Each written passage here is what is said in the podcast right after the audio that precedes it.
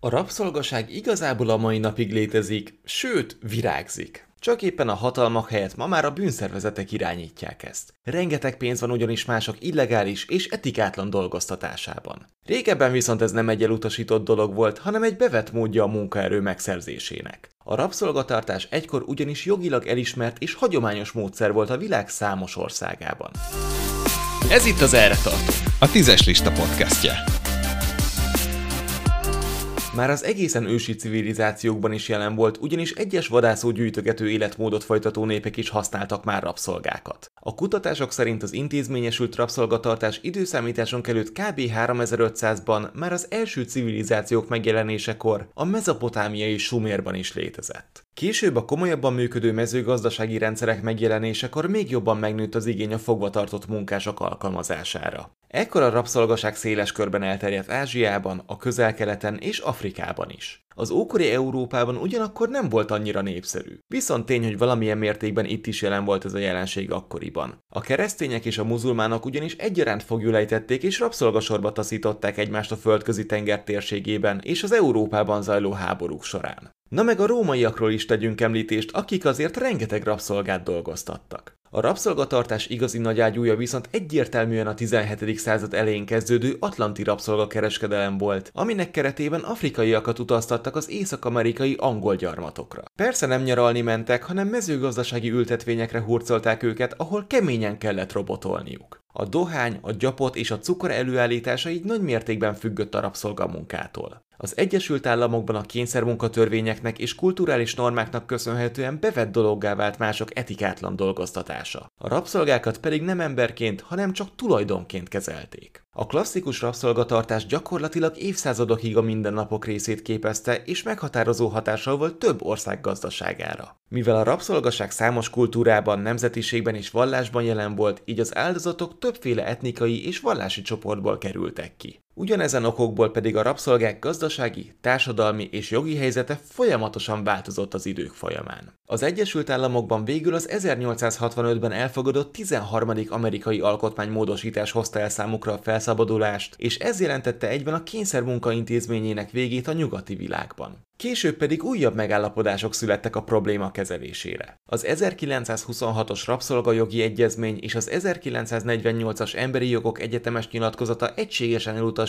ezt a szörnyű gyakorlatot. Kár lenne viszont azt gondolni, hogy így happy end zárult a történet. Miközben ugyanis sokan az új egyezmények által elért sikereket ünnepelték, a kényszermunkának szép lassan egy teljesen új, modern változata gyökeret eresztett a társadalom talajában. Az új ruhába bújt rabszolgaság alatt már az emberek rejtett, illegális kizsákmányolását kell érteni. Itt már nem feltétlenül a gyapott földeken dolgozó láncra embereket kell elképzelni. A modern rabszolgaság alatt az adós rabszolgaság, az emberkereskedelem, a gyerekmunka és a kényszerházasság intézményeit is értjük. A közös bennük, hogy az emberi jogok minden esetben egyet jelentenek a nullával. És hogy mi tartja életben a 21. században a rabszolgaságot? Hát az olyan problémák, mint a szegénység, a munkanélküliség, a korrupció, a gyenge lábakon álló jogi rendszerek, na meg a társadalmi diszkrimináció. Sok iparágban szinte mindennél fontosabb az olcsó munkaerő, így ezek már is megágyaznak a kényszermunka különféle formáinak. A másik nagy probléma, hogy rengeteg helyen még mindig elég gyenge lábakon áll a bűnüldözés, aminek köszönhetően a modernkori rabszolgaság több millió embert érint a napjainkban. Ráadásul a rohamos globalizáció, na meg a fokozódó migráció miatt ezek a problémák csak tovább nőnek. A bevándorlókat gyakran kihasználják, miközben új lehetőségek után kutakodnak. Ez pedig rögtön kényszer munkához vagy akár szolgasághoz is vezethet. De hogy zajlik ez a folyamat? A legnagyobb problémát egyértelműen az emberkereskedelem jelenti, aminek a legtöbb esetben a kényszermunka a célja. A Nemzetközi Munkaügyi Szervezet szerint manapság kb. 25 millió ember dolgozik a saját akaratán kívül különféle illegális hálózatokon keresztül. A másik hatalmas probléma ennek a 18 pluszos verziója, aminek a nők és sajnos a gyerekek kerülnek célkeresztjébe. Az áldozatokat a legtöbb esetben rendes munka, az oktatás vagy egy jobb életigéretével ejtik csapdába, kihasználva azt, hogy nekik nem megy olyan jól az élet. Ha pedig egyszer bedőlnek a trükknek, akkor hiába gondolják meg magukat, már nincs menekvés. Ezután az áldozatokat akár erőszakkal is ráveszik kereskedelmi célú 18 pluszos munkára, ami során elkerülhetetlenül fizikai és pszichés traumákat szenvednek el. De a férfiak se ússzák meg, csak ők más formában vannak kitéve az emberkereskedelemnek. Ez már főként a fejlődő országokat érinti az ott élők gazdasági helyzetének köszönhetően. A pórul járt embereket a mezőgazdaságban, az építőiparban és a gyártási munkálatokban dolgoztatják leginkább. Fizetésre persze nem kell számítaniuk, és gyakran az emberséges körülményeket is elfelejthetik. Az ENSZ szerint ráadásul az emberkereskedelem a drog és fegyverbiznisz utáni legjövedelmezőbb bűncselekmény típus. Az ebből befolyó haszon évente több milliárd dollárt tesz ki a bűnszervezeteknek. Közvetlenül ide kapcsolódik a kényszermunka témaköre is, ami még mindig a szomorú valósághoz tartozik egyes helyeken a mezőgazdaságban és a feldolgozóiparban. Kegyetlen körülmények, erőszak és átverések is vannak, fizetés viszont nem párosul ahhoz a kemény munkához, amit a Nemzetközi Munkaügyi Szervezet jelentése szerint 16 millió ember szenved el folyamatosan.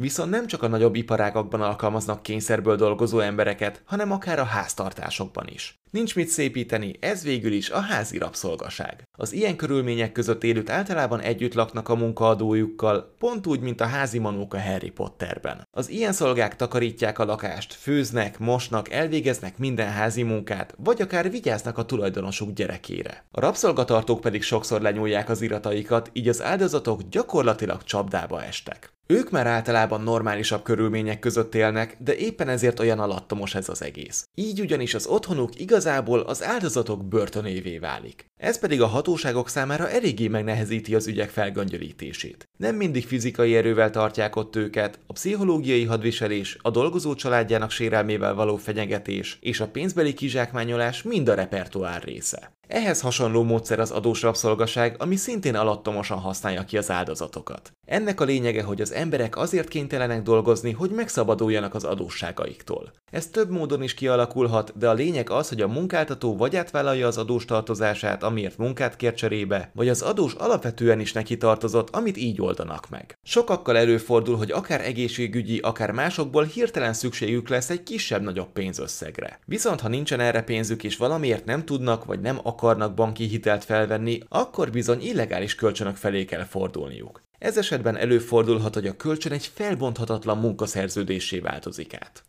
A munkáltató persze felvázol az adós elé egy utat, hogy mikor és hogy tudja a munkájával törleszteni a tartozást, csak hogy nem igazán tudják azt ledolgozni, mert a kamatok alapvetően borzalmasan magasak és egyre csak nőnek. Így egyre többet kell dolgozniuk ahhoz, hogy törleszék az adósságukat, ami egy körforgássá válik. Így alakul ki az adós rabszolgaság. A sunyi munkáltató, mint egy hatalmas pók egyre nagyobb hálót sző a zsákmányok köré, így pedig teljesen magához láncolja a kiszolgáltatott dolgozót. A dél-ázsiai országokban például a téglagyártóipar hírhet arról, hogy őrült sok adós rabszolgát dolgoztatnak. Néha az egész család egy ilyen helyen dolgozik, és hiába tepernek, illetve gyártanak le csillagászati mennyiségű téglát, soha nem tudják törleszteni az adósságukat. A téglaipar mellett a farmokon, ültetvényeken és halászhajókon is rengeteg ilyen munkás dolgozik. Az emberi méltóságuk és a szabadságuk visszanyeréséhez valamilyen formájú érdekérvényesítési civil szervezetre lenne szükségük. Viszont mivel a társadalom és a hatóságok előtt is gyakran láthatatlanak ezek az emberek, nem számíthatnak jogi védelemre. Azt viszont még szörnyűbb látni, hogy nem csak felnőttek, de kisgyerekek is dolgoznak nagy számban a világ számos országában. Az pedig csak habatortán, hogy legtöbbször borzalmas körülmények között és persze láthatatlan mennyiségű pénzért. Pedig ők aztán tuti nem szolgáltak rá arra, hogy a gondtalan gyerekkor helyett egy bányában rabotoljanak. Többségük Ázsia nyomasztógyáraiban vagy veszélyes afrikai bányákban dolgozik. A játszóterek, az iskola és a normális jövőkép helyett fizikai és érzelmi bántalmazás maradt csak nekik. Az UNICEF becslése szerint 150 millió gyereket használnak ki ilyen módon világszerte. De hogy kerül ilyen helyzetbe ennyi ártatlan gyerek a világban? A kiinduló probléma itt is nyilvánvalóan a szegénység. A rossz körülmények miatt ezek a fiatalok nem férnek hozzá az oktatáshoz. A luxus szó ugyanis sok afrikai és ázsiai országban nem egy wellness hétvégét vagy egy új iPhone jelent, hanem azt, hogy a szülők egyáltalán suliba tudják küldeni a gyerekeket. Ez pedig a legtöbb esetben nem igazán jön össze, össze, úgyhogy a minimális megélhetés biztosítása érdekében a szülők minél hamarabb melózni küldik a saját gyerekeiket. A legrosszabb pedig, ha a gyerekmunka találkozik az adós rabszolgasággal. Ilyen esetekben a gyerekek a saját családjuk által felhalmozott illegális kölcsönök miatt kell, hogy dolgozzanak. Az igazán rossz anyagi helyzetben levő családoknál pedig előfordulhat, hogy egyszerűen eladják a gyerekeiket. Ezek a gyerekek ilyenkor általában olyan rabszolgatartókhoz kerülnek, akik aztán kedvük szerint dolgoztathatják őket. A hatalmas méreteket öltött modern rabszolgaság áldozatainak körülbelül egy negyede gyerek. A felnőttekre visszatérve viszont találkozhatunk a modern rabszolgaság egy igazán érdekes formájával is, a kényszerházassággal. Sokakat ugyanis a saját akaratuk ellenére adnak házastársul valakihez. Ezeknek a házasságoknak elsősorban természetesen a nők esnek áldozatul. Talán az eddigiek alapján azt mondanád, hogy ez a legenyhébb az összes verzió közül, de nem biztos, hogy igazad van. Jelenleg a világban ilyen módon kb. 15 millió embernek rúgták fel két lábbal a személyes szabadságát. Mivel a kényszerházasságra vonatkozó törvények kultúránként és országonként eltérnek, elég nehéz globálisan felmérni a probléma súlyát és lecsapni az elkövetőkre. Annak ellenére, hogy többek között Indiában, Pakisztánban és Bangladesben is törvénytelennek számít, mégis elég népszerűek a kényszerházasságok Dél-Ázsiában. A kulturális normák és a társadalmi nyomás kézenfogva vezetik a fiatalokat az oltár elé. Ennek a fő oka, hogy ezekben az országokban a házasság nem egyenlő a szerelemmel, sok esetben inkább egyfajta családok közötti stratégiai szövetséget jelent, amire pénzügyi, társadalmi vagy éppen politikai okok miatt van szükség. De Ázsia mellett egyes afrikai országokban is előfordul ez a jelenség. Például Nigériában és Szomáliában annyira elterjedt hagyomány, hogy a törvények ellenére is sok áldozatot szed. Ráadásul a nyugati világ felé irányuló migráció miatt az Egyesült Királyságban, Amerikában és Ausztráliában is növekszik a kényszerházasságok száma. A bevándorlók ugyanis magukkal viszik a hagyományaikat, a hatóságok pedig elég nehezen tudnak lépést tartani a problémával. Na és akkor jöjjön a rossz része, a kényszerből megházasodóknál gyakran előfordul depresszió és az ellenük irányuló erőszak is. Úgy, hogy a rabszolgatartás a 21. században is virágzik. A gazdasági, politikai és társadalmi kérdések alapvetően határozzák meg a kényszerből dolgozó emberek sorsát. Az okoknál mindennek fölött áll persze a szegénység és a vele párban járó társadalmi egyenlőtlenségek is. Amíg egyesek még a hétköznapjaikat is luxusjaktokon töltik, addig a világbank szerint 700 millió ember él kevesebb, mint napi 600 forintból. Ez azért olyan túl sok mindenre nem elég. Pláne, hogyha összehasonlítjuk a magyar napi átlagkeresettel, ami 10 forint forint körül mozog. Nyilván sokan szeretnének kitörni a mély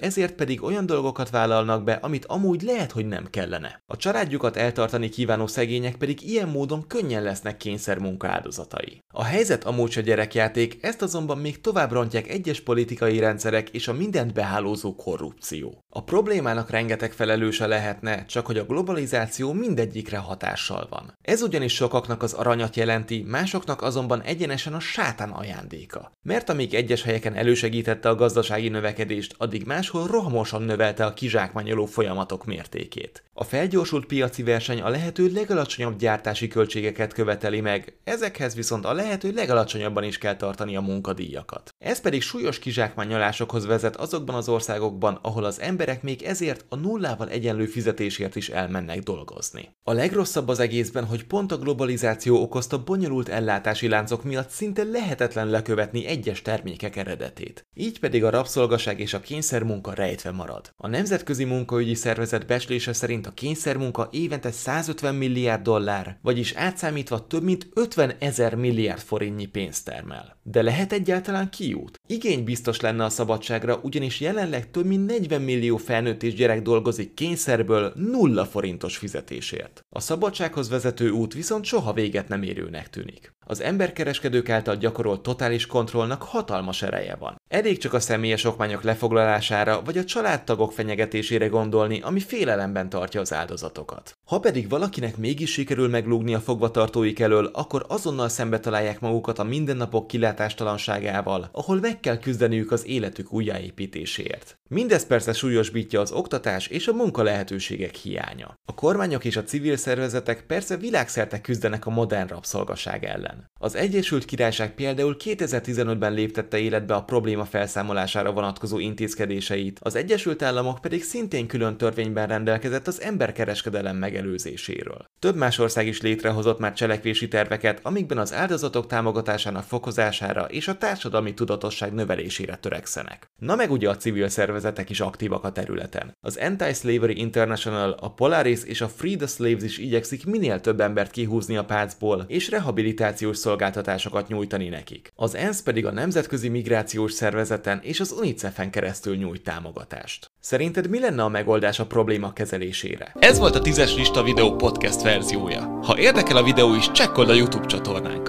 Ha pedig tetszett a rész, ne felejtsd el értékelni Spotin vagy Apple Podcasten, mielőtt meghallgatod a következőt.